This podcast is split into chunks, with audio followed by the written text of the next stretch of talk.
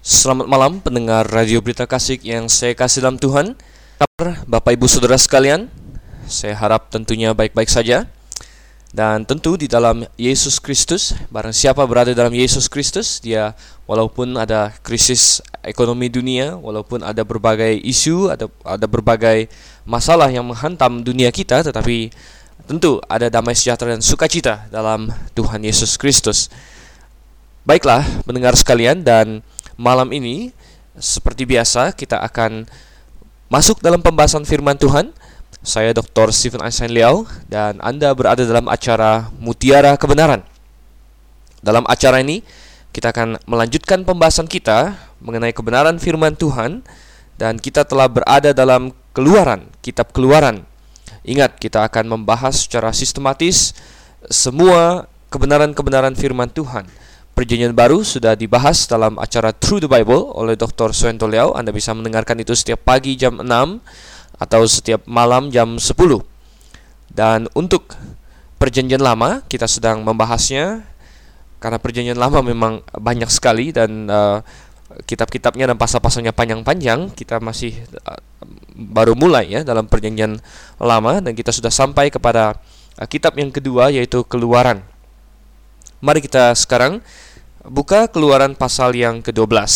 Nah, sebelum kita mulai seperti biasa kita akan meminta pertolongan Tuhan karena hanya Tuhanlah yang sanggup menyingkapkan bagi kita kebenaran-kebenaran yang ada terdapat di dalam firman-Nya. Mari kita berdoa Saudara. Bapa di surga, puji syukur, hormat kami naikkan kepadamu karena sungguh Engkau layak mendapat semuanya.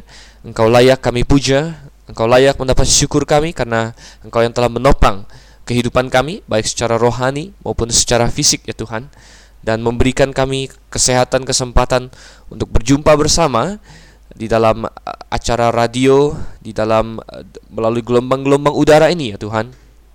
Kiranya Engkau yang memimpin pembahasan kami agar tidak menyimpang dari kebenaran firman-Mu, agar Engkau menerangi hati dan pikiran kami melalui Roh Kudus yang membantu kami. Pimpinlah dalam nama Yesus Kristus kami berdoa dan mengucap syukur.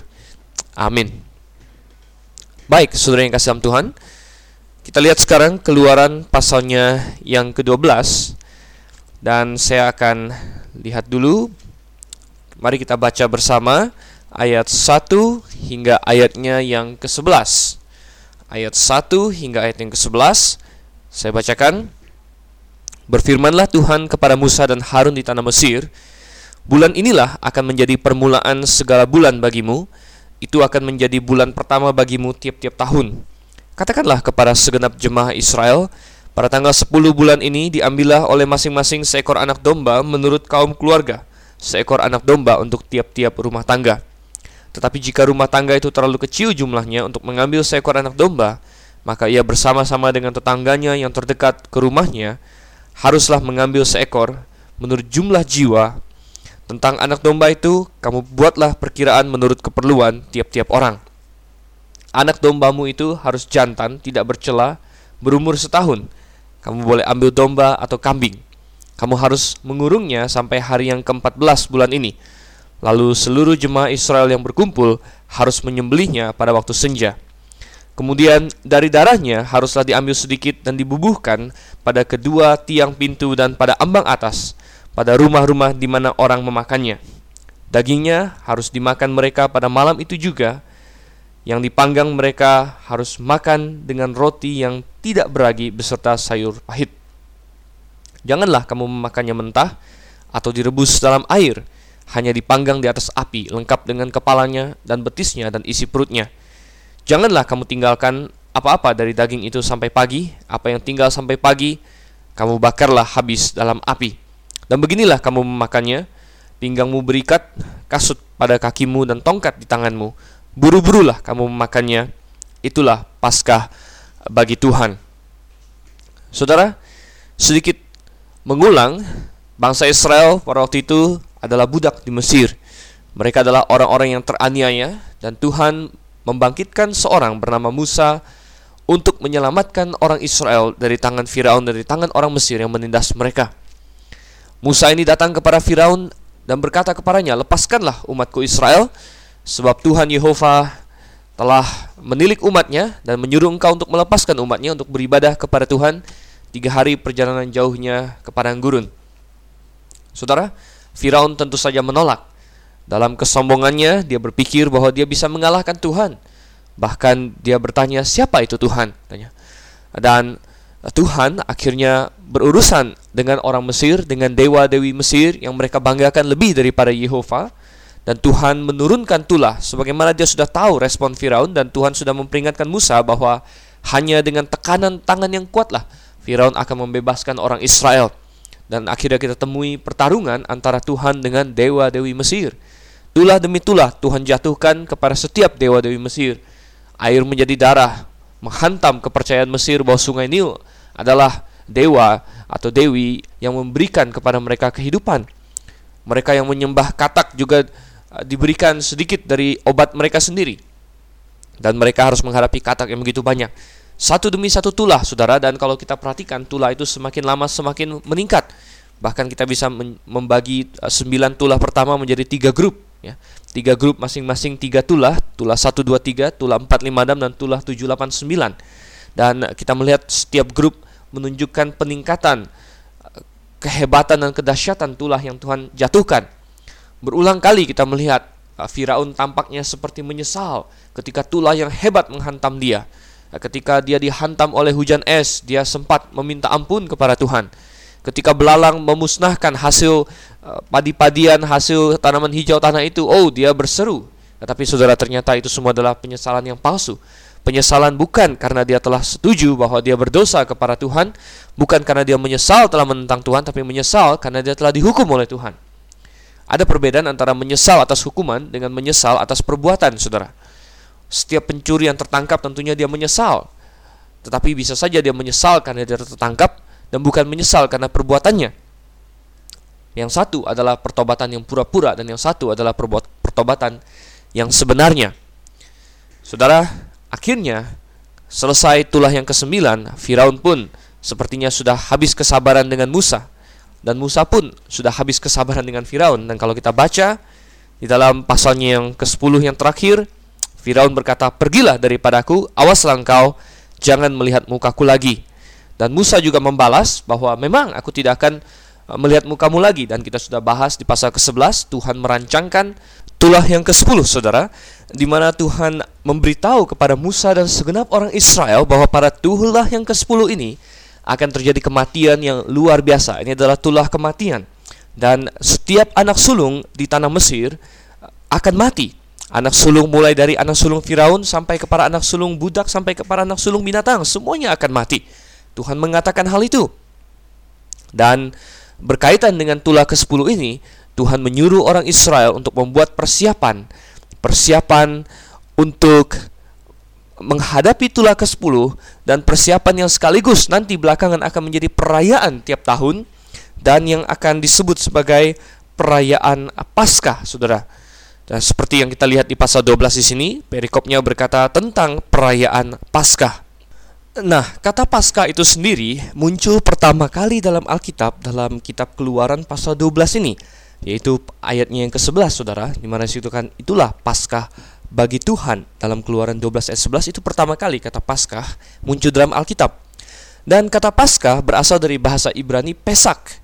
Dan Pesak memiliki arti melewati Artinya ini adalah suatu kata yang dipakai untuk menggambarkan Tuhan yang akan melewati tanah Mesir dan membunuh semua orang Mesir. Jadi pesak artinya lewat atau melewati. Tuhan akan lewat di tanah Mesir dan ketika dia lewat dia akan membunuh semua anak sulung Mesir. Saudara, kalau kita perhatikan ketika Tuhan menetapkan Paskah bagi orang Israel dan segala apa yang terjadi di sini, walaupun ini adalah suatu perayaan yang sangat bermakna bagi orang Yahudi karena menyimbolkan atau mengingatkan kepada mereka kelepasan mereka dari tanah Mesir, tetapi bagi setiap orang percaya atau bagi setiap manusia, perayaan Paskah ini juga memiliki arti yang mendalam. Dan kalau kita perhatikan ada banyak sekali makna simbologis yang terkandung di dalam perayaan Paskah ini yang memiliki kebenaran-kebenaran mendalam bagi setiap manusia. Apa-apa saja saudara, coba kita lihat ternyata banyak sekali paralel antara apa yang dialami orang Israel pada saat Paskah dan orang Mesir pada saat Paskah dengan setiap manusia di muka bumi ini. Pertama-tama coba kita perhatikan kondisi dari orang Israel sebelum mereka merayakan Paskah. Apa kondisi mereka, Saudara? Mereka tinggal di Mesir.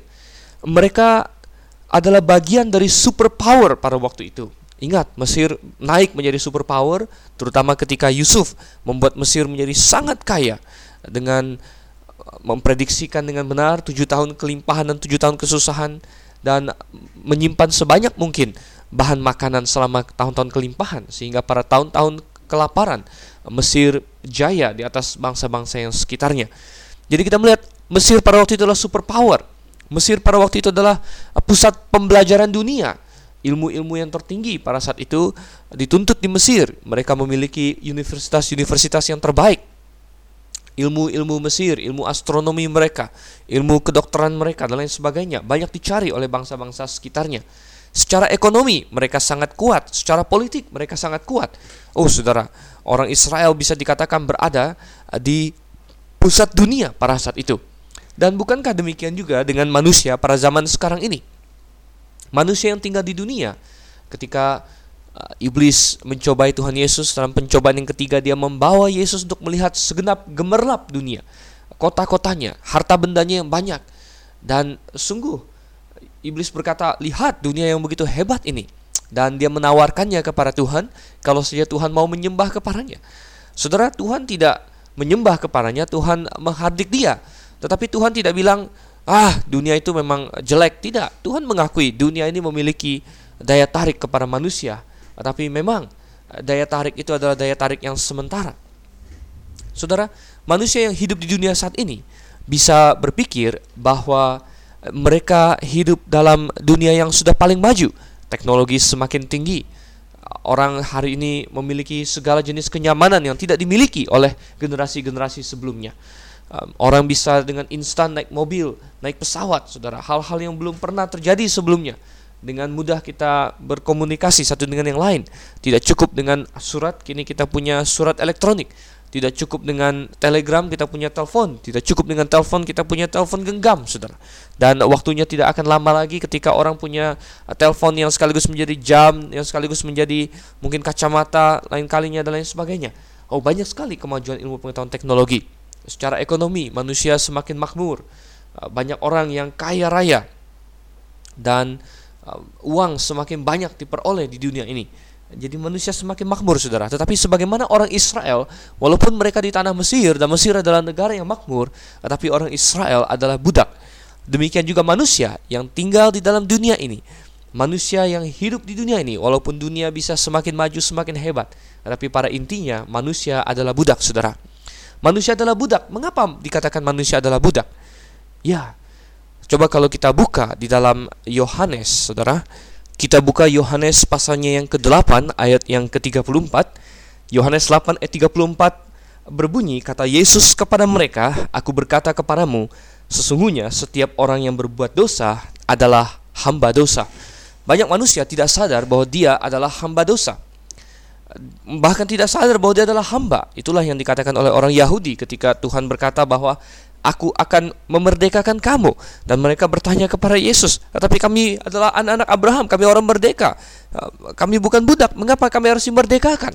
Dan Yesus menjawab, "Barang siapa yang adalah yang berbuat dosa adalah hamba dosa." Manusia hari ini banyak yang tidak sadar bahwa mereka adalah hamba dosa. Hamba dosa adalah orang-orang yang tidak dapat melepaskan diri dari dosa. Mereka kecanduan akan dosa, saudara. Dan ini adalah banyak hal. Tidak ada seorang pun yang mampu untuk lepas diri dari dosa. Bahkan banyak orang yang kecanduan dosa. Banyak dosa memang bersifat candu. Nah, dosa merokok adalah bersifat candu. Dosa obat-obatan terlarang tentunya adalah sebuah candu. Dosa mendengarkan musik-musik dunia adalah sebuah candu, saudara. Anda tidak percaya, rock and roll adalah sebuah candu. Rock and roll adalah uh, musik yang mengikat seseorang Buktinya, kalau Anda ingin melepaskan diri daripadanya, Anda akan sulit. Anda akan teringat-ingat kembali. Anda akan mengalami situasi di mana Anda sangat menginginkannya, hampir sama seperti orang yang putus obat. Nah, kita lihat ya. Tetapi dosa secara umum adalah sesuatu yang mengikat dan Anda menjadi hamba dosa ketika Anda berdosa. Hamba dosa yang tinggal di tanah Mesir, di dunia ini, saudara, dan yang akan mengalami kematian. Pada saat yang ditentukan, Tuhan akan lewat dan dia akan membunuh setiap orang yang merupakan hamba dosa ini. Kalau kita baca dalam Roma pasal yang ke-6 ayat yang ke-23. Roma 6 ayat 23 di situ katakan sebab upah dosa ialah maut. Upah dosa ialah maut dan Tuhan sudah mengumumkannya. Barang siapa yang adalah hamba dosa, dia harus mati. Sama seperti Tuhan mengumumkan di tanah Mesir bahwa barang siapa yang adalah anak sulung di tanah Mesir, maka ketika Tuhan lewat dia akan mati. Tetapi di dalam Roma Tuhan berkata upah dosa ialah maut. Dalam Yehezkiel pasal yang ke-18 Tuhan pernah berkata, Yehezkiel pasal yang ke-18 ayat yang keempat. Di situ dikatakan dan orang yang berbuat dosa itu yang harus mati. Orang yang berbuat dosa itu yang harus mati. Jadi jelas bahwa bagi Tuhan sama seperti dia akan lewat dalam dari tanah Mesir membunuh semua anak sulung, demikian juga waktunya akan tiba bagi setiap manusia bahwa dia harus mati dan dia harus mati karena dosa-dosanya. Saudara, itulah keadaan orang Israel dan itulah keadaan setiap manusia di muka bumi ini. Tetapi adakah jalan keluar bagi orang Israel dan adakah jalan keluar bagi manusia? Saudara, itulah yang Tuhan perbuat pada hari Paskah dan itulah yang Tuhan suruh orang Israel untuk peringati dari keturunan sampai keturunannya.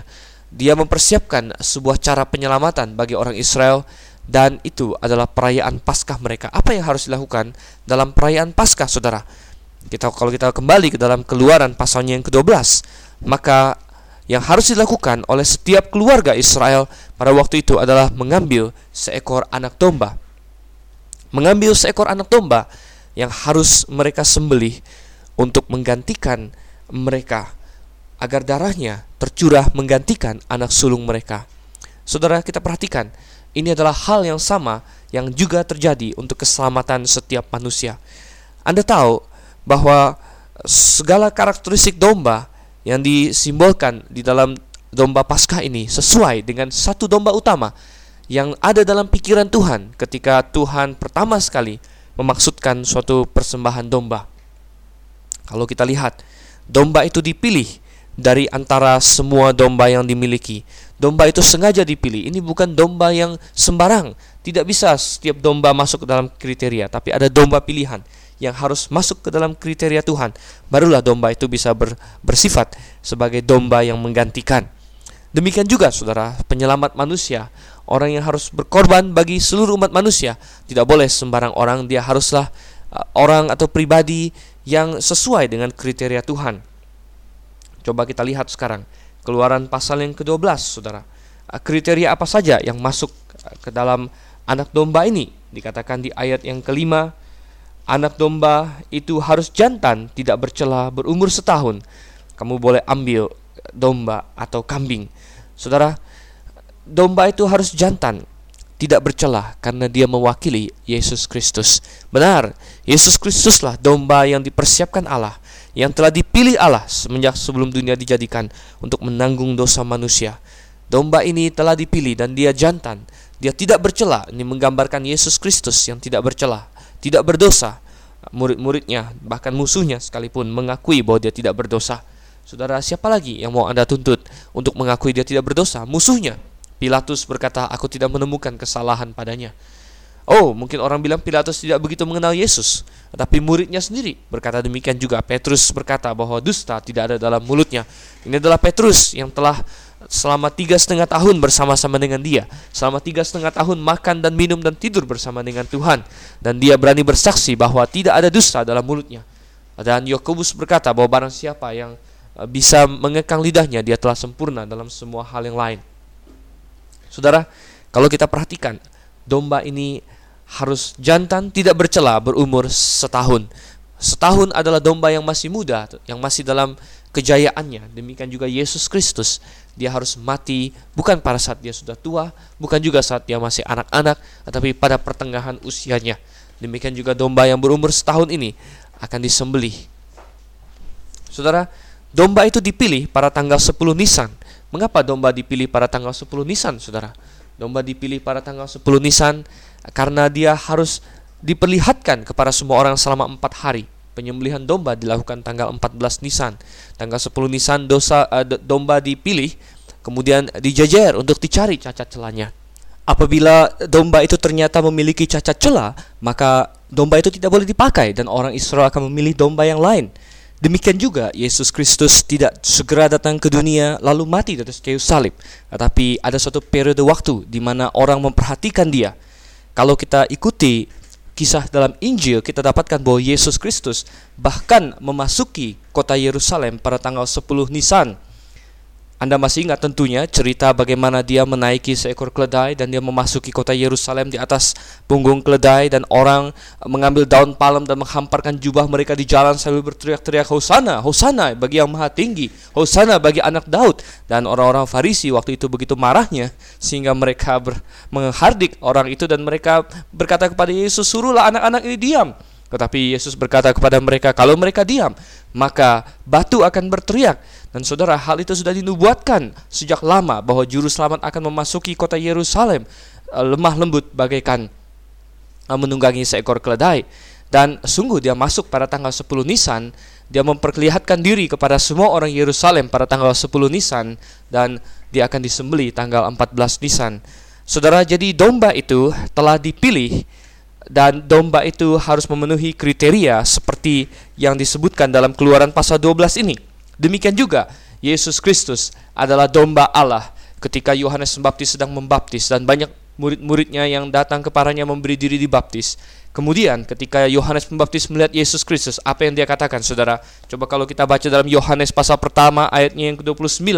Di situ adalah salah satu puncak dari uh, seruan yang sangat indah dalam Alkitab di mana Yohanes Pembaptis berkata, pada keesokan harinya Yohanes melihat Yesus datang kepadanya dan ia berkata, "Lihatlah anak domba Allah yang menghapus dosa dunia." Oh saudara, lihatlah anak domba Allah yang menghapus dosa dunia. Dialah puncak dari semua domba yang telah disembelih secara simbolis di masa perjanjian lama. Semuanya mengacu kepada dia semenjak domba yang pertama yang disembelih oleh Tuhan sendiri di Taman Eden.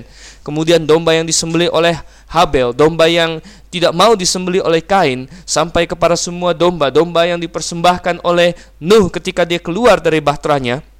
Domba yang disembelih oleh Abraham menggantikan Ishak anaknya, domba yang disembelih oleh uh, semua orang Israel di Mesir pada hari Paskah yang pertama itu sesuai yang kita baca dalam Keluaran pasal 12 sampai kepada semua domba berjuta-juta domba sudah mati dalam sejarah Saudara. Semua untuk menunjuk kepada satu domba yaitu anak domba Allah yaitu Yesus Kristus. Yesus Kristus yang datang untuk menyelamatkan umatnya dari perbudakan dosa sebagaimana domba pada zaman Musa dipakai untuk menyelamatkan orang Israel dari perbudakan Mesir. Itulah anak domba Allah, Saudara. Kalau kita lihat domba ini bukan hanya dipilih dan diperlihatkan tetapi domba ini juga disembelih. Tadi kita sudah lihat bahwa domba dipilih pada tanggal 10 Nisan, kemudian pada tanggal 14 Nisan orang Israel harus menyembelihnya Coba kita lihat ayatnya yang kelima dan yang keenam atau ayat yang keenam kita lihat dari keluaran pasal 12 kamu harus mengurungnya sampai hari yang ke-14 bulan ini lalu seluruh jemaah Israel yang berkumpul harus menyembelihnya pada waktu senja. Menarik sekali kalau kita perhatikan dalam bahasa aslinya di sini seluruh jemaah Israel yang berkumpul harus menyembelihnya. Katanya dalam bahasa Ibrani di sini adalah tunggal saudara dalam King James Version dikatakan the whole of the assembly of the congregation of Israel shall kill it in the evening, shall kill it, saudara. Kalau kita perhatikan, jadi seluruh bangsa Israel harus membunuhnya tunggal di situ. Padahal di dalam Paskah itu ada banyak sekali domba yang disembelih karena setiap keluarga harus uh, memilih satu ekor domba. Ya, setiap keluarga memilih satu ekor domba. Dan eh, bisa saja kata Tuhan bahwa kalau ada keluarga yang kecil eh, yang eh, terlalu banyak kalau dia memotong satu ekor domba, dia bisa bergabung dengan keluarga yang lain.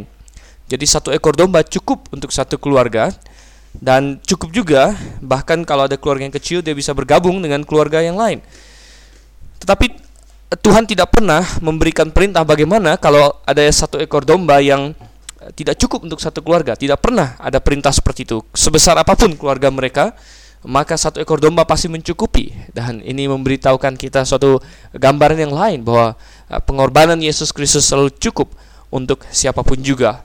Cukup untuk seluruh dunia bahkan. Dan menarik sekali bahwa bahkan di dalam Keluaran 12 ayat 6 di sini seolah-olah Tuhan sudah melihat ke depan dan bukan lagi melihat domba-domba satu persatu yang dibunuh oleh keluarga Israel, tetapi melihat kepada satu anak domba Allah yang akan datang sekitar 1500 tahun kemudian semenjak Musa melakukan Paskah yang pertama.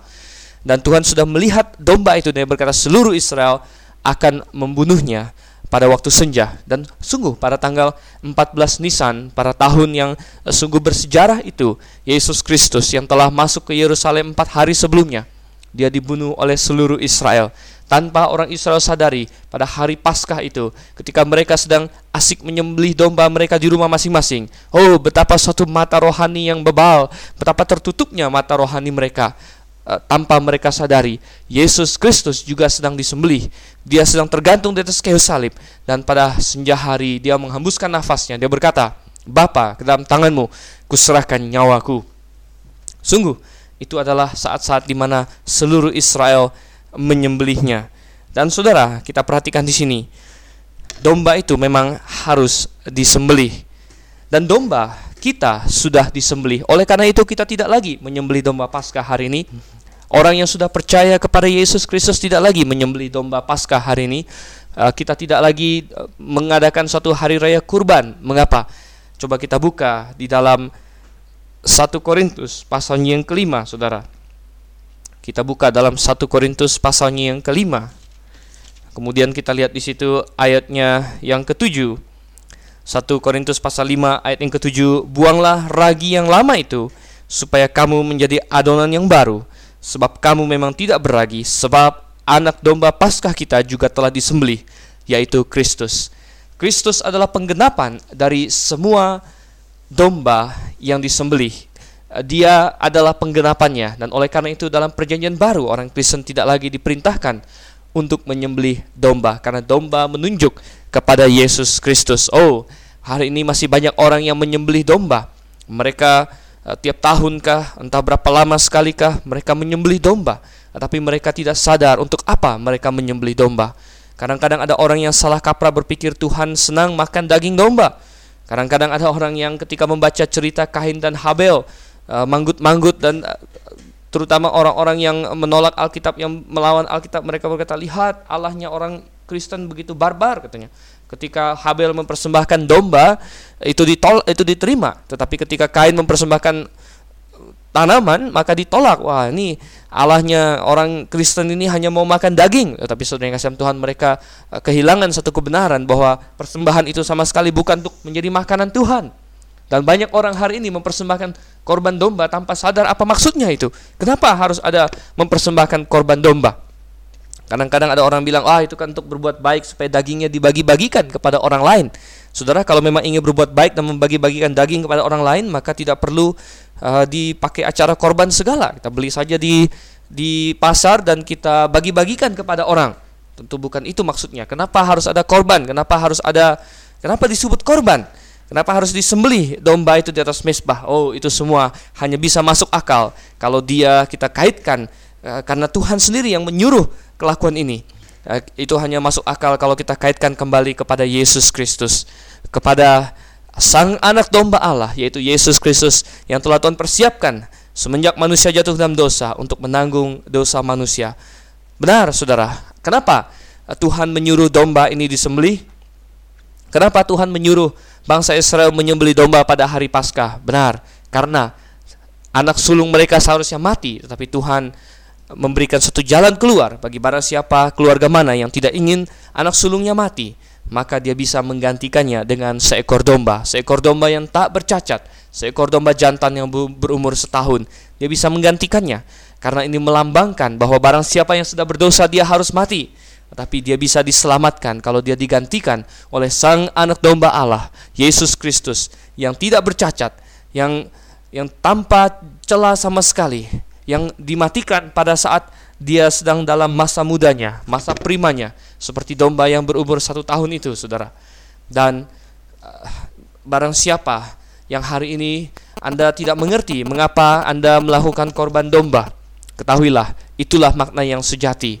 Dan karena itu, saudara yang kasih Tuhan, Anda perlu mengerti hakikat dari penyembelihan domba itu dan mengapa eh, sekali ini sesudah Yesus Kristus datang maka sebenarnya tidak perlu lagi orang menyembelih domba. Tidak ada seorang pun masuk surga karena menyembelih domba. Karena anak domba Allah yang sesungguhnya telah disembelih. Tadi di Korintus kita baca, anak domba kita juga telah disembelih, yaitu Yesus Kristus. Dia telah mati menggantikan dosa Anda. Dia telah mati menggantikan dosa dunia. Dan dia mati karena dia ingin menyelamatkan Anda. Tahukah Anda bahwa anda juga adalah orang berdosa? Tahukah Anda bahwa Anda berada di dalam Mesir, yaitu dunia ini, yang penuh dengan gegap gempitannya, tetapi Anda adalah orang berdosa dan Tuhan sudah menentukan harinya dan saatnya bagi setiap orang berbeda-beda, Saudara. Tetapi bagi setiap orang sudah ditentukan hari dan saatnya dia harus mati karena dosa-dosanya itu. Satu hal yang tidak membedakan orang mana pun juga di dunia ini adalah kematian. Orang itu boleh pintar, boleh bodoh. Orang itu boleh kaya, boleh miskin. Orang itu boleh terpandang, boleh sama sekali tidak dikenal orang. Tetapi satu satu hal yang sama menimpa mereka, yaitu kematian. Itu sudah Allah tentukan.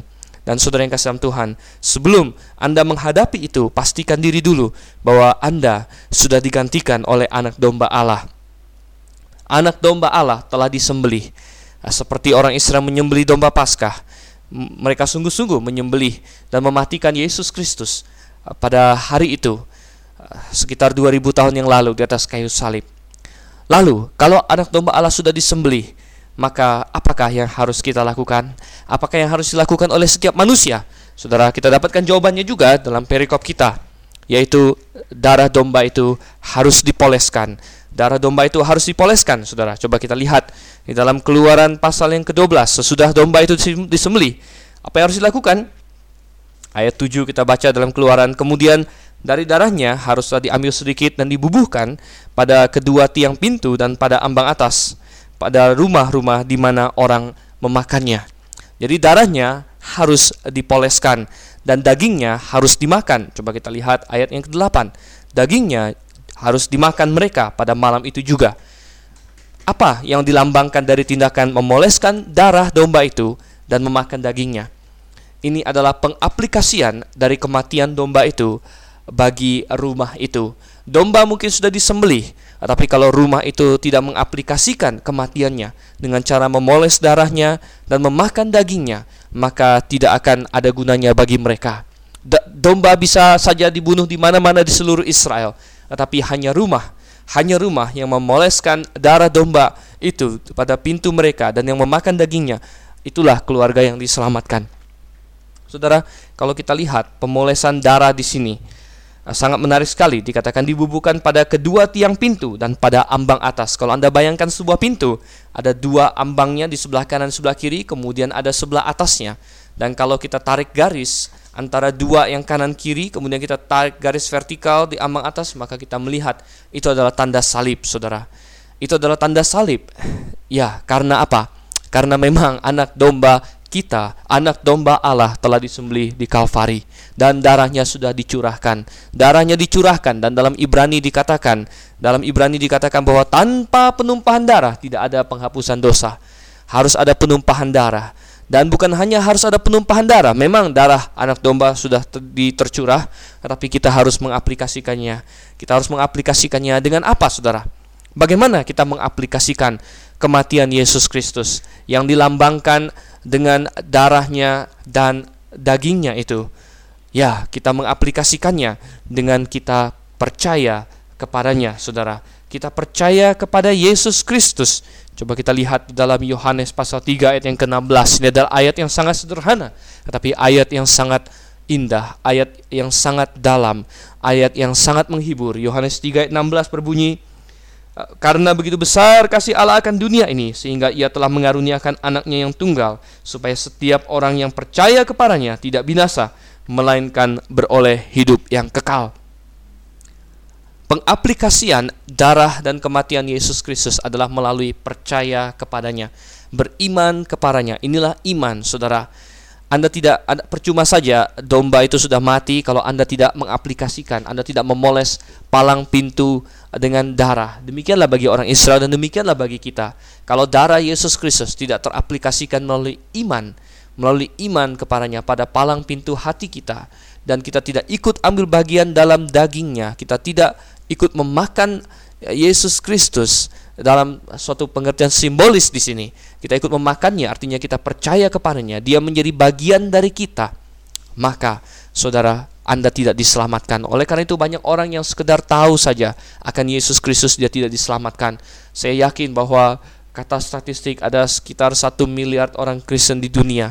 Ada sekitar satu miliar orang Katolik di dunia jadi total 2 miliar katanya. Tapi berapa banyak di antaranya yang percaya kepada Yesus Kristus dengan sungguh-sungguh yang telah mendapatkan keselamatan itu melalui iman? Pernahkah dia sungguh-sungguh datang kepada Tuhan sebagai orang berdosa dan kemudian menyerahkan semua dosanya dari awal sampai akhir ditanggung oleh anak domba Allah di atas kayu salib dengan sadar dia melakukan itu? Oh saudara ah, tahu saja tentang Yesus Kristus tidak akan menyelamatkan Anda. Anda perlu mengaplikasikan kematian itu dalam hidup Anda melalui iman kepadanya. Banyak juga orang-orang lain di dunia, banyak agama yang menjalankan uh, korban domba dan mereka tiap tahun melakukan korban domba tanpa suatu pengertian yang benar. Mereka tidak tahu mengapa mereka melakukan korban domba, mengapa Tuhan menuntut domba begitu banyak disembelih. Ah, mereka tidak tahu bahwa pada zaman Perjanjian Lama itu adalah untuk menunjuk kepada anak domba Allah yang akan datang. Saudara, uh, saya tidak peduli latar belakang Anda karena semua manusia perlu diselamatkan dari dosa-dosa mereka dan hanya ada satu jalan keselamatan yaitu ada Yesus Kristus yang telah menanggung hukuman dosa Anda Anda perlu percaya kepadanya. Anda perlu mengaplikasikan darahnya yang telah tercurah dalam hidup Anda. Kalau kita lihat ayat yang 8 sampai ayat yang ke-9, kita lihat di situ bahwa dagingnya harus dimakan katanya. Dagingnya yang dimakan itu tidak boleh direbus atau dimakan mentah, tetapi harus dipanggang.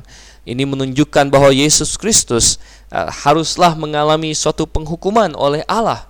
Dia tidak boleh uh, begitu saja. Kita tidak tidak percaya kepada Yesus yang tidak mati, yang tidak mengalami penghakiman. Panggangan di sini adalah api. Api menggambarkan penghakiman Allah. Ada orang yang percaya bahwa Yesus Kristus tidak mati di atas kayu salib. Oh, mereka tidak dapat mengerti kenapa seorang yang begitu baik, seorang yang katanya berasal dari Allah, kenapa dia harus mati. Oh, saudara, mereka sama seperti uh, para orang Saduki dan Farisi yang berdiri di bawah kaki salib dan berseru kepada Yesus Kristus, "Jika engkau benar anak Allah, turunlah dari salib itu." Mereka seperti penjahat, penyamun yang di samping Yesus yang berseru dan mengejek, Hei, jika engkau anak Allah, jika engkau Mesias, turunlah dari salib ini dan selamatkanlah kami juga. Saudara, ironisnya, justru karena Yesus ingin menyelamatkan kedua penjahat, justru karena Yesus ingin menyelamatkan orang-orang Farisi dan Saduki itu, maka dia tidak turun dari salib itu. Oh, bukanlah di luar kemampuan dia untuk turun dari salib itu. Dengan mudah, dia bisa menghancurkan seluruh dunia beserta isinya hanya dengan sepatah katanya saja. Ah, tetapi saudara yang kasih Tuhan, dia berada di salib itu untuk menanggung dosa dunia. Oh, ada orang yang tidak mengerti ini sehingga mereka menimbulkan berbagai teori bahwa Yesus tidak mati.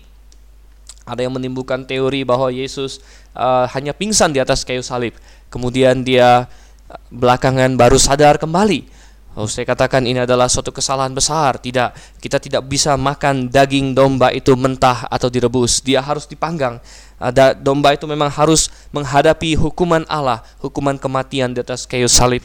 Ada orang yang menimbulkan teori bahwa uh, Yesus ditertukar dengan orang tertentu, tertukar dengan Yudas Iskariot atau tertukar dengan uh, oknum-oknum uh, lain, tetapi Alkitab sama sekali tidak mengatakan demikian karena Yesus Kristus benar-benar mati dan bangkit kembali, Saudara. Dia sungguh-sungguh mengalami api penghukuman Tuhan ketika dia berada atas kayu salib. Kalau kita lihat ayatnya yang ke-10, maka daging itu harus dimakan habis oleh orang atau seisi rumah tersebut. Memang tidak boleh disisakan saudara. Ketika Anda percaya kepada Yesus Kristus Anda harus percaya kepadanya 100% Hanya itulah iman yang menyelamatkan. Anda tidak boleh percaya setengah-setengah. Anda tidak boleh bilang Oh saya sepertinya mau percaya kepada Yesus Tetapi saya juga mau percaya uh, kepada yang lain. Saya mau percaya kepada nabi lain, saya mau percaya kepada Maria, saya mau percaya kepada uh, dewa-dewi lain, saya mau percaya kepada baptisan juga, saya mau percaya kepada perbuatan baik saya juga. Tidak bisa, Saudara. Daging itu harus dimakan seluruhnya, tidak boleh dibiarkan tersisa karena Yesus Kristus harus dipercayai sepenuh hati. Kalau kita lihat ayat yang ke-11 dan beginilah kamu memakannya pinggangmu berikat, kasut pada kakimu, dan tongkat di tanganmu. Buru-burulah kamu memakannya, itulah Paskah bagi Tuhan. Ketika seseorang merayakan Paskah, ketika orang Israel merayakan Paskah, dia harus makan sambil bersiap-siap keluar dari Mesir dan ini harus dilakukan turun temurun agar orang-orang Israel sebagaikan menghidupi kembali situasi waktu itu Orang Israel yang bersiap-siap keluar dari Mesir. Oh, mereka bukan makan domba untuk sekedar kenyang, saudara. Tidak. Mereka bukan makan domba karena mereka lagi suka makan domba saat itu. Bukan. Mereka bukan makan domba supaya tidak lapar. Bukan. Ini ada suatu signifikansi khusus. Ketika mereka makan domba itu, mereka mengamini bahwa mereka sedang diselamatkan. Mereka mengamini bahwa mereka akan segera keluar dari Mesir. Dan mereka tidak betah di Mesir. Mereka ingin keluar dari rumah perbudakan mereka itu. Dan saudara yang kasih dalam Tuhan, kita dapatkan bahwa setiap orang yang percaya, ingin percaya kepada Yesus Kristus, yang ingin ikut ambil bagian, yang ingin makan uh, daging domba itu, yang ingin memoleskan darahnya pada ambang pintunya, maka dia harus datang dengan suatu pola pikir bahwa dia sedang diselamatkan, bahwa dia ingin keluar dari dunia ini, bahwa dia ingin meninggalkan dosanya. Saudara Yesus bukanlah Eh, tukang asuransi neraka. Saudara, banyak orang hari ini ingin, oh, saya mau percaya Yesus baik uh, supaya saya tidak masuk neraka, tetapi tidak ada dalam hatinya suatu keinginan untuk menjauhi dosa, untuk uh, berbeda dengan dunia ini untuk uh, dia dia senang di dunia ini. Oh, kalau Tuhan bilang, "Ayo kita ke surga sekarang." Mungkin dia bilang, "Tuhan, jangan dulu. Saya masih banyak kesenangan yang perlu saya nikmati di dunia ini." Saudara, sikap yang seperti itu bukanlah sikap percaya kepada Yesus Kristus. Sikap seperti itu adalah sikap yang uh, ingin mempermainkan Tuhan, uh, hanya ingin mendapatkan keselamatan tanpa menerima dia, tanpa bertobat, Saudara. Oh, tidak ada yang seperti itu dalam kamus Tuhan. Ketika orang Israel memakannya, mereka harus bersiap-siap keluar dari Mesir. Orang yang tidak bersiap-siap keluar dari Mesir tidak akan Tuhan selamatkan juga. Oleh karena itu setiap orang yang ingin diselamatkan, dia bukan hanya percaya Yesus untuk masuk surga, tetapi dia bertobat juga. Dia menyesal atas dosanya dan dia ingin diselamatkan dari dosa-dosanya. Dia ingin diselamatkan dari perbudakan Mesir. Dia ingin diselamatkan dari perbudakan dosa. Saudara, hari ini uh, penginjilan tipe yang salah sering kali hanya menjanjikan orang kalau percaya Yesus Uh, silahkan percaya Yesus. ayo doa seperti ini. Ayo ikuti saya. Tuhan Yesus, uh, saya menerima Engkau sebagai Tuhan dan Juru Selamat. Maka Engkau pasti diselamatkan, pasti masuk surga. Saudara, saya tidak katakan bahwa uh, menerima Yesus itu tidak pasti masuk surga. Orang yang menerima Yesus dengan sungguh-sungguh, memang Tuhan jamin keselamatannya. Tuhan uh, berkata engkau pasti bersama dengan aku di Firdaus kata Tuhan kepada penyamun di sampingnya. Ada tidak ada lagi penghukuman tetapi saudara Percaya yang benar bukanlah percaya yang tanpa pertobatan. Kita harus uh, berkata kepada orang bahwa engkau harus setuju dulu dengan Allah bahwa engkau adalah orang berdosa. Engkau harus setuju dengan Allah bahwa engkau adalah orang yang telah melanggar kekudusan Allah dan Anda harus menyesal akan hal itu. Anda harus melihat dirimu sebagai seorang budak dosa yang akan mendapatkan hukuman neraka kalau Anda tidak segera bertobat dan kemudian Anda bertobat dan percaya kepada Yesus Kristus. Anda memang sungguh ingin lepas dari dosa Anda. Tidak ada orang yang berkata, "Ya, saya mau percaya kepada Yesus Kristus, tetapi saya mau tetap tinggal dalam dosa saya. Saya mau tetap tinggal dalam Mesir." Itu adalah suatu hal yang salah dan tidak dapat dilakukan. Kalau kita lihat ayatnya yang ke-12 sampai ayat yang ke-15, kita melihat di sini, pada malam itu aku akan menjalani tanah Mesir dan semua anak sulung katanya akan kubunuh. Ada saatnya semua manusia akan mengalami kematian. Anda juga suatu hari akan mengalami kematian, saudara. Apakah cepat, apakah lambat, tidak ada seorang pun yang tahu. Hanya Tuhan yang tahu. Sudah siapkah Anda untuk itu? Sudahkah darah anak domba yang telah disembelih, yaitu Yesus Kristus, dipoleskan dalam ambang hati Anda? Sudahkah Anda ikut ambil bagian dengan iman percaya kepadanya?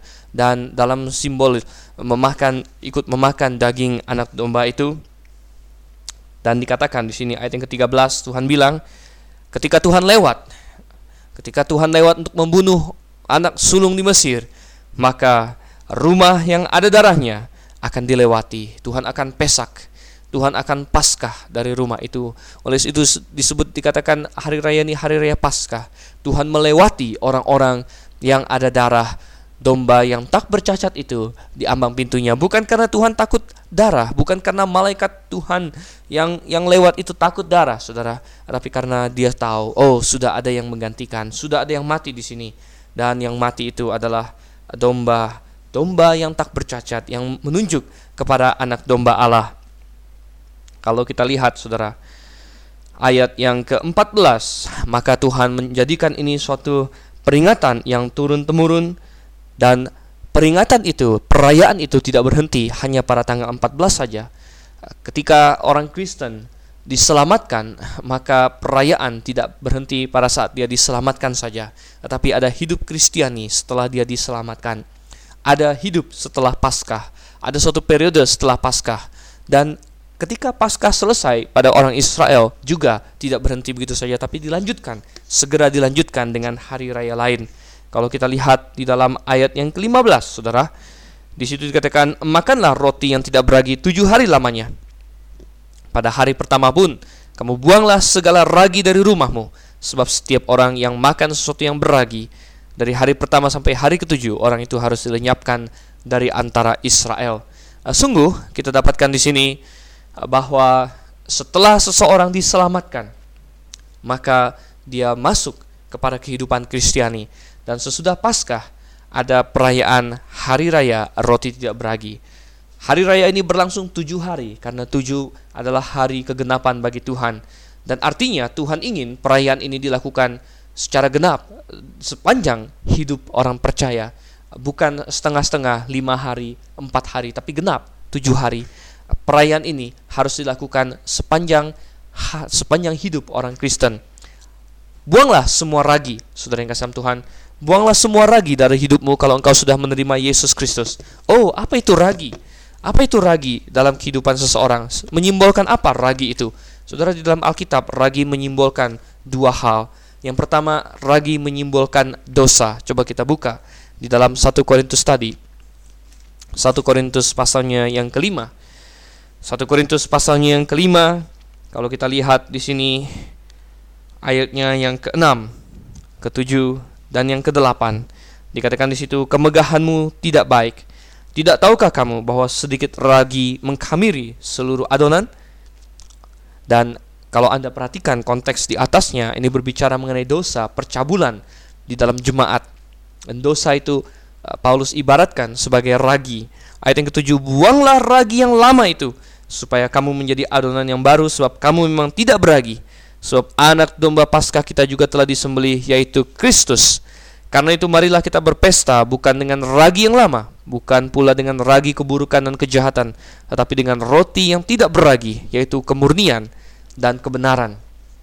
Sungguh luar biasa sekali Sesudah kita diselamatkan, sesudah anak domba paskah kita disembelih yaitu Yesus Kristus dan kita mengecat, memoleskan darahnya pada ambang pintu hati kita dan kita ikut ambil bagian dengan iman kepadanya, maka kita masuk dalam hari raya roti tidak beragi. Hidup Kristiani yang Tuhan inginkan adalah hidup yang membuang semua ragi dalam hidupnya, membuang dosa, Oh, saya tahu bahwa orang tidak menjadi sempurna ketika dia percaya kepada Yesus Kristus, tetapi itulah ideal yang ingin dituju oleh Tuhan. Ideal yang dituju oleh Tuhan adalah orang yang percaya kepadanya berhenti melakukan dosa. Oh, tentu ini adalah hal yang mungkin mustahil, ah, tetapi Tuhan ingin kita menuju ke sana. Tuhan ingin agar kita memang setiap orang yang diselamatkan ada Roh Kudus di dalam hatinya untuk membantu dia melawan dosa, melawan dosa dan dia bisa maju setahap demi setahap. Dia bisa bertumbuh setahap demi setahap dan Tuhan ingin dia membuang semua dosa. Saudara, Anda mengaku Anda sudah percaya kepada Yesus Kristus? Mana buktinya? Apakah Anda sudah membuang ragi dalam hidup Anda? Hanyalah orang yang sudah merayakan Paskah, yang sudah ikut ambil bagian diselamatkan dari malaikat maut. Dialah yang bersuka cita dalam hari raya roti tidak beragi itu. Ah, kalau Anda hidup Anda masih penuh dengan dosa, maka oh, orang berhak ragu. Orang berhak ragu, sudahkah Anda diselamatkan? Ya, kita lihat orang yang telah diselamatkan, Tuhan berikan kekuatan untuk melawan dosa. Mungkin ada orang yang bilang, "Oh, saya tidak kuat. Saya tidak kuat untuk melawan dosa." Tetapi jangan berkata demikian. Kalau kita buka dalam 1 Korintus pasalnya yang ke-10, Saudara. 1 Korintus pasal yang ke-10 saya bacakan ayatnya yang ke-13. Dikatakan pencobaan-pencobaan yang kamu alami ialah pencobaan-pencobaan biasa yang tidak melebihi kekuatan manusia sebab Allah setia dan karena itu ia tidak akan membiarkan kamu dicobai melampaui kekuatanmu. Pada waktu kamu dicobai, ia akan memberikan kepadamu jalan keluar sehingga kamu dapat menanggungnya. Saya sudah banyak membaca kisah tentang orang-orang yang ketika dia percaya kepada Yesus Kristus dengan kekuatan Roh Kudus, seorang pecandu rokok yang bertahun-tahun lamanya, dia bisa memotong rokoknya itu, dia bisa menghilangkannya. Seorang pemabuk yang sudah terkenal sebagai pemabuk kelas kakap, melalui kuasa Roh Kudus, kelahiran kembali, dikatakan bahwa sebarang siapa dalam Kristus ia adalah ciptaan baru, yang lama sudah berlalu, yang baru sudah datang, maka dia bisa menghentikan kebiasaannya itu. Saudara, apa pun dosa Anda, di dalam kuasa Yesus Kristus. Ketika Anda berdoa dan memohon kepadanya untuk menolong Anda, Anda bisa untuk melawannya. Apakah butuh perjuangan? Oh tentu, saudara jangan Anda pikir ya saya bersuruh sama Tuhan lalu ya udah diam-diam aja. Tidak. Anda dituntut Tuhan untuk berjuang, berjuang untuk melawan dosa itu. Tetapi Anda bisa melakukannya karena ada Roh Kudus yang membantu Anda. Saudara, buanglah ragi, buanglah dosa dalam hidup Anda. Orang Kristen hari ini banyak yang tidak bisa bersinar bagi Tuhan karena mereka ada dosa dalam hidupnya. Bagaimana mereka bisa memenangkan temannya kalau dia tidak berubah dan berbeda dari temannya itu? Jadi setiap orang Kristen, orang yang sudah mengalami Paskah itu, dia harus membuang ragi. Tetapi saudara yang kasih Tuhan, ragi bukan hanya maksudnya dosa, tetapi coba kita lihat ada satu hal lagi yang dilambangkan oleh ragi. Coba kita lihat dalam Matius pasal yang ke-16. Matius pasal 16 ayat 6 sampai 12, Saudara. Matius 16 ayat 6 sampai 12. Saya bacakan Yesus berkata kepada mereka, "Berjaga-jagalah dan waspadalah terhadap ragi orang Farisi dan Saduki." Maka mereka berpikir-pikir dan seorang berkata kepada yang lain, itu dikatakannya karena kita tidak membawa roti. Dan ketika Yesus mengetahui apa yang mereka perbincangkan, ia berkata, "Mengapa kamu memperbincangkan soal tidak ada roti? Hai orang-orang yang kurang percaya." Dan saya singkat saja ayat 9 sampai 11. Tuhan menghardik mereka bahwa bukan roti jasmani yang dia maksudkan. Ayat yang eh, ke-12 ketika itu barulah mereka mengerti bahwa bukan maksudnya supaya mereka waspada terhadap ragi roti, melainkan terhadap ajaran orang Farisi dan Saduki. Jadi kita lihat bahwa ragi melambangkan dosa dalam Alkitab, tetapi ragi juga melambangkan pengajaran yang sesat, pengajaran yang salah ajaran orang Farisi dan Saduki disebut sebagai ragi. Intinya, ragi adalah segala sesuatu yang merasuk, memasuki dan mengacaukan apakah itu dosa, apakah itu ajaran yang salah. Saudara, setiap orang yang sudah diselamatkan dalam Yesus Kristus, dia harus membuang ragi, baik itu dosa dalam kehidupan pribadinya maupun eh, pengajaran-pengajaran yang salah. Ada sebagian orang yang berpendapat bahwa ah tidak penting bagi saya untuk mengerti pengajaran mana yang benar dan mana yang salah. Itu tidak sesuai dengan Alkitab. Ada orang yang berkata, "Karena saya bukan teolog, saya bukan pengkhotbah, maka tidak penting bagi saya untuk mengetahui yang ini benarkah, yang itu yang salahkah." Ah, bikin pusing saja. Saudara, itu adalah suatu sikap yang salah. Sering saya mendengar orang bertanya kepada saya di dalam kekristenan ini ada begitu banyak gereja masing-masing dengan pengajarannya masing-masing bilang dia yang benar mana yang benar? Saya pusing saya tidak mau pikir lagi. Ya udahlah saya ikut-ikut aja saya nggak mau pikir lagi. Saudara salah. Tuhan suruh kita untuk membuang semua ragi dalam hidup kita. Itu bermaksud adalah dosa secara praktikal dan juga itu adalah pengajaran yang salah secara doktrinal. Jadi setiap orang Kristen diharapkan oleh Tuhan untuk uh, mengetahui doktrin, untuk mengetahui pengajaran yang benar dan yang salah. Karena kita harus membuang ragi dalam hidup kita. Saya juga sering mendengar ada gereja yang berkata, "Ah, kalian ini keterlaluan. Kalau di gereja kami kami tidak tidak berbicara mengenai doktrin sama sekali." Wow, saya jadi heran. Ada gereja yang tidak bicara mengenai doktrin sama sekali. Bagaimana itu? Kami hanya menyuruhkan Yesus, katanya. Kami hanya menyuruhkan Yesus, kami hanya menyuruhkan kasih. Kami tidak bicara doktrin. Kalau Anda pernah mendengar ada gereja atau orang yang berkata demikian, maka saya katakan sungguh dia salah kaprah. Dia uh, tidak mengerti apa yang dia omongkan. Bagaimana orang bisa bilang saya hanya mau menyerukan Yesus? Sebelum Anda menyerukan Yesus, sebelum Anda menyerukan atau percaya kepada Yesus, Anda harus tahu tentang Yesus dan itu adalah doktrin. Siapa Yesus? Apakah Yesus Allah? Itu adalah doktrin. Apakah Yesus hanya manusia? Itu adalah doktrin. Apakah Yesus eh, apa yang dia lakukan di bumi ini? Itu adalah doktrin, Saudara. Uh, anda ingin berkata, "Oh, saya tidak mau bicara doktrin," maka itu adalah kekacauan. Doktrin adalah pengajaran uh, dan setiap orang Kristen Tuhan tuntut untuk membuang ragi dalam hidupnya, doktrin-doktrin yang salah, pengajaran-pengajaran yang salah. Oleh karena itulah RBK uh, setia menemani Anda untuk membahas kebenaran firman Tuhan. Saya dapat pastikan bahwa Radio Berita Klasik adalah uh, radio di Jakarta ini Jabodetabek yang paling banyak menekankan tentang kebenaran, yang paling banyak menekankan tentang ayo kita belajar kebenaran firman Tuhan dan kita tidak malu-malu untuk membahas tentang doktrin, Saudara. Karena karena memang orang Kristen tidak boleh alergi dengan doktrin. Tidak ada orang yang boleh bilang, "Ah, saya tidak mau tahulah tentang doktrin." Uh, kita tidak punya hak untuk mengatakan demikian karena Tuhan ingin kita bisa tahu ajaran yang benar dan yang salah. Marilah kita seperti orang-orang Berea yang katanya sangat baik dan rajin dan setiap hari meneliti kitab suci untuk mengetahui apakah semuanya demikian. Dan jikalau Anda sudah tahu ada kesalahan yang dalam apa yang Anda percayai selama ini, maka buanglah itu. Buanglah itu, berdirilah untuk kebenaran. Uh, lakukanlah, beraksilah Saudara. Ya jangan diam-diam saja berjuanglah untuk kebenaran. Kalau bukan Anda siapa lagi? Belalah yang benar, bergabunglah dengan yang benar. Saudara, coba kita lihat sekarang ayat yang ke-16 sampai ayat yang ke-20. Masih dalam Keluaran 12 ayat 16 sampai 20, kamu adakanlah pertemuan yang kudus, baik pada hari yang pertama maupun pada hari yang ketujuh. Pada hari-hari itu tidak boleh dilakukan pekerjaan apa pun, hanya apa yang perlu dimakan setiap orang, itu sajalah yang boleh kamu sediakan. Jadi kamu harus tetap merayakan hari raya makan roti yang tidak beragi, sebab tepat pada hari ini juga aku membawa pasukan-pasukanmu keluar dari tanah Mesir, maka haruslah kamu rayakan hari ini turun-temurun. Itulah suatu ketetapan untuk selama-lamanya. Dalam bulan pertama, pada hari yang ke-14 bulan itu, pada waktu petang, kamu makanlah roti yang tidak beragi, sampai kepada hari yang ke-21 bulan itu, pada waktu petang. Tujuh hari lamanya tidak boleh ada ragi dalam rumahmu, sebab setiap orang yang makan sesuatu yang beragi, orang itu harus dilenyapkan dari antara jemaah Israel, baik ia orang asing, baik ia orang asli. Sesuatu apa pun yang beragi tidak boleh kamu makan. Kamu makanlah roti yang tidak beragi di segala tempat kediamanmu.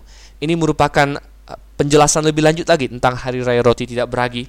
Katanya adalah bulan pertama, dimulai pada bulan pertama hari yang ke-15. Karena hari 14 Paskah, hari ke-15 adalah hari hari uh, permulaan hari raya roti tidak beragi. Dan di situ katanya ada pertemuan kudus dan itu tidak boleh ada orang yang melakukan pekerjaan. Itu dianggap sebagai hari sabat.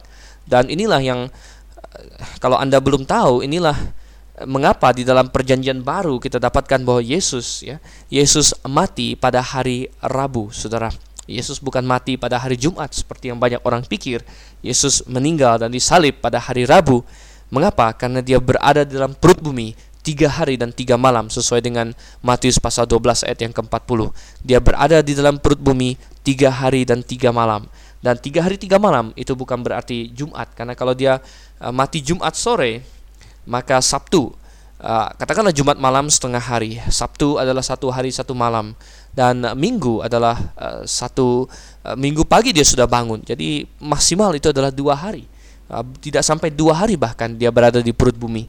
Tapi Alkitab berkata tiga hari tiga malam. Oleh karena itu dia mati pada hari ah, Rabu. Tetapi salah satu hal yang sering diprotes oleh orang adalah dalam Alkitab dikatakan bahwa hari ah, setelah kematian Yesus adalah hari Sabat. Misalnya dalam Markus 15 ayat yang ke-42. Di situ dikatakan bahwa hari setelah kematian Yesus adalah hari Sabat. Jadi banyak orang terkecoh dengan itu dan merasa bahwa Yesus pasti mati pada hari Jumat. Tetapi tidak demikian, saudara. Karena kalau kita perhatikan, uh, hari setelah Paskah adalah hari pertama, hari raya roti tidak beragi, dan itu adalah hari hari Sabat juga. Karena pada ayat ke-16 dikatakan baik hari pertama maupun hari yang ketujuh tidak boleh dilakukan pekerjaan apa pun dan bagi orang Israel itu adalah hari Sabat juga. Dan ini dijelaskan juga di dalam kitab Yohanes pasal yang ke-19 ayat yang ke-31. Di situ dikatakan bahwa Sabat itu adalah hari yang besar atau saya bacakan sepenuhnya karena hari itu hari persiapan dan supaya pada hari Sabat mayat-mayat itu tidak tinggal tergantung pada kayu salib sebab Sabat itu adalah hari yang besar. Jadi ini bukan Sabat biasa, Sabat hari Sabat setelah kematian Yesus bukanlah Sabat biasa, tapi Sabat yang besar, Sabat yang sekali dalam satu tahun itu Sabat yang berkaitan dengan hari Paskah dan perayaan Hari Raya Roti Tidak Beragi. Jadi Yesus bukan mati hari Jumat, tapi hari Rabu dan kebetulan hari Kamis selanjutnya adalah Sabat yang merupakan hari pertama Hari Raya Roti Tidak Beragi dan di situ orang tidak boleh melakukan pekerjaan. Jadi kita dapatkan sinkronisasi di situ bahwa Yesus mati hari Rabu, dia tinggal di perut bumi tiga hari dan tiga malam. Dan kalau Anda ingin mendapat informasi lebih mengenai hal ini, Anda silakan membaca buku yang ditulis oleh Dr. Soento Liao mengenai kematian Yesus pada hari Rabu. Lanjutkan saudara ayat yang ke-21 hingga ayat yang ke-23. Kita tidak akan menyelesaikan keluaran 12 pada hari ini, tapi kita akan selesai sampai ayat 28 saja. Ayat 21 sampai 23 dikatakan lalu Musa memanggil semua tua-tua Israel serta berkata kepada mereka, Pergilah, ambillah kambing domba untuk kaummu dan sembelilah anak domba Paskah. Kemudian kamu harus mengambil seikat hisop dan mencelupkannya dalam darah yang ada dalam sebuah pasu. Dan darah itu harus kamu sapukan pada ambang atas dan pada kedua tiang pintu. Seorang pun dari kamu tidak boleh keluar pintu rumahnya sampai pagi dan Tuhan akan menjalani Mesir untuk menulahinya. Apabila ia melihat darah pada ambang atas dan pada kedua tiang pintu itu maka Tuhan akan melewati pintu itu dan tidak membiarkan pemusnah masuk ke dalam rumahmu untuk menulahi. Kita melihat di sini akhirnya orang Israel secara real, secara nyata melakukan apa yang dari tadi sudah kita bahas. Mereka mengambil domba, mereka menyembelihnya. Dan bagaimana cara mereka memoleskan darah domba itu ke tiang pintu mereka? Dikatakan di situ mereka mengambil hisop. Dan hisop adalah semacam tanaman kecil di daerah Palestina sana, daerah Mesir. Jadi ada semacam tanaman dengan eh, daun-daunnya, tanaman yang pendek dan itu bisa dipakai sebagai semacam kuas. Dan kalau kita lihat hisop ini bagaikan menggambarkan iman kita, Saudara. Jadi apa yang apa yang bisa manusia pakai untuk mengaplikasikan darah anak domba Yesus Kristus kepada dirinya adalah iman. Imanlah yang Tuhan tetapkan sebagai alat untuk eh, menerapkan keselamatan itu pada diri seseorang. Jadi Yesus Kristus sudah mati bagi semua manusia, tetapi tidak semua manusia diselamatkan.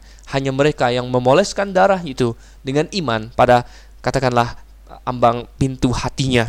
Dan Tuhan uh, mewanti-wanti satu hal di sini, jangan ada seorang pun yang keluar dari batas ambang itu. Jangan ada orang yang keluar dari rumahnya pada malam hari itu karena mereka harus tinggal di dalam batas-batas yang telah ditentukan oleh darah anak domba itu. Mereka harus tetap tinggal dalam lingkup yang yang telah ditentukan oleh darah itu. Dia tidak boleh keluar dari lingkup keselamatan itu. Ketika kita diselamatkan, kita berada di dalam Yesus Kristus. Janganlah keluar melangkah dari Kristus, saudara. Jangan mel keluar melangkah dari Kristus. Jangan meninggalkan iman. Anda diselamatkan uh, di dalam iman. Uh, karena iman percaya kepada Yesus Kristus, maka Anda diselamatkan maka jangan melangkah keluar dari itu. Bisakah seseorang melangkah keluar dari imannya, saudara? Oh, ada sebagian orang berkata, tidak bisa ketika Anda sudah sungguh-sungguh percaya, maka Anda tidak bisa lagi melangkah keluar. Tapi saya tidak temukan dalam Alkitab pengajaran yang demikian. Pengajaran dalam Alkitab justru uh, mewanti-wanti kita, jangan tinggalkan iman, jangan tinggalkan iman. Coba kita lihat dalam 2 Yohanes. 2 Yohanes uh, pasalnya yang ke-9, saudara. 2 Yohanes pasal yang ke-9 karena hanya satu pasal saja 2 Yohanes 1 ayat 9 setiap orang yang tidak tinggal di dalam ajaran Kristus tetapi yang melangkah keluar dari situ tidak memiliki Allah. Barang siapa tinggal di dalam ajaran itu ia memiliki bapa maupun anak. Orang Israel yang keluar dari pintu rumahnya maka dia tetap akan mati. Mengapa? Karena dia telah keluar dari lingkup penyelamatan anak domba itu. Dia meninggalkan darah anak domba itu. Dan demikian juga setiap orang yang katakanlah dia mengaku sudah percaya kepada Yesus Kristus, tapi dia melangkah keluar dari imannya, eh, maka dia tidak memiliki Allah, kata 2 Yohanes ayat yang ke-9. Coba kita lihat ayat yang ke-24 sampai ayat yang ke-28. Kamu harus memegang ini sebagai ketetapan sampai selama-lamanya bagimu dan bagi anak-anakmu. Dan apabila kamu tiba di negeri yang akan diberikan Tuhan kepadamu, seperti yang difirmankannya, maka kamu harus pelihara ibadah ini. Dan apabila anak-anakmu bertanya kepadamu, apakah artinya ibadahmu ini?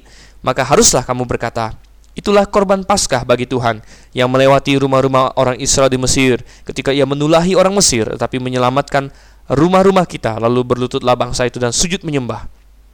Pergilah orang Israel lalu berbuat demikian seperti yang diperintahkan Tuhan kepada Musa dan Harun. Demikianlah diperbuat mereka.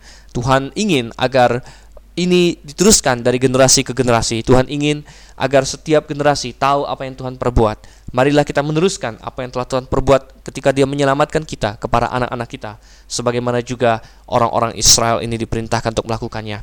Baiklah, pendengar yang saya kasih Tuhan, saya rasa kita akan stop sampai di sini dulu dan kita akan lanjutkan pembahasan pasal 12 selebihnya dalam sesi yang berikutnya. Saya Dr. Sifil Anselio undur diri dulu dalam dari hadapan Anda dan saya ucapkan selamat malam. Maranatha.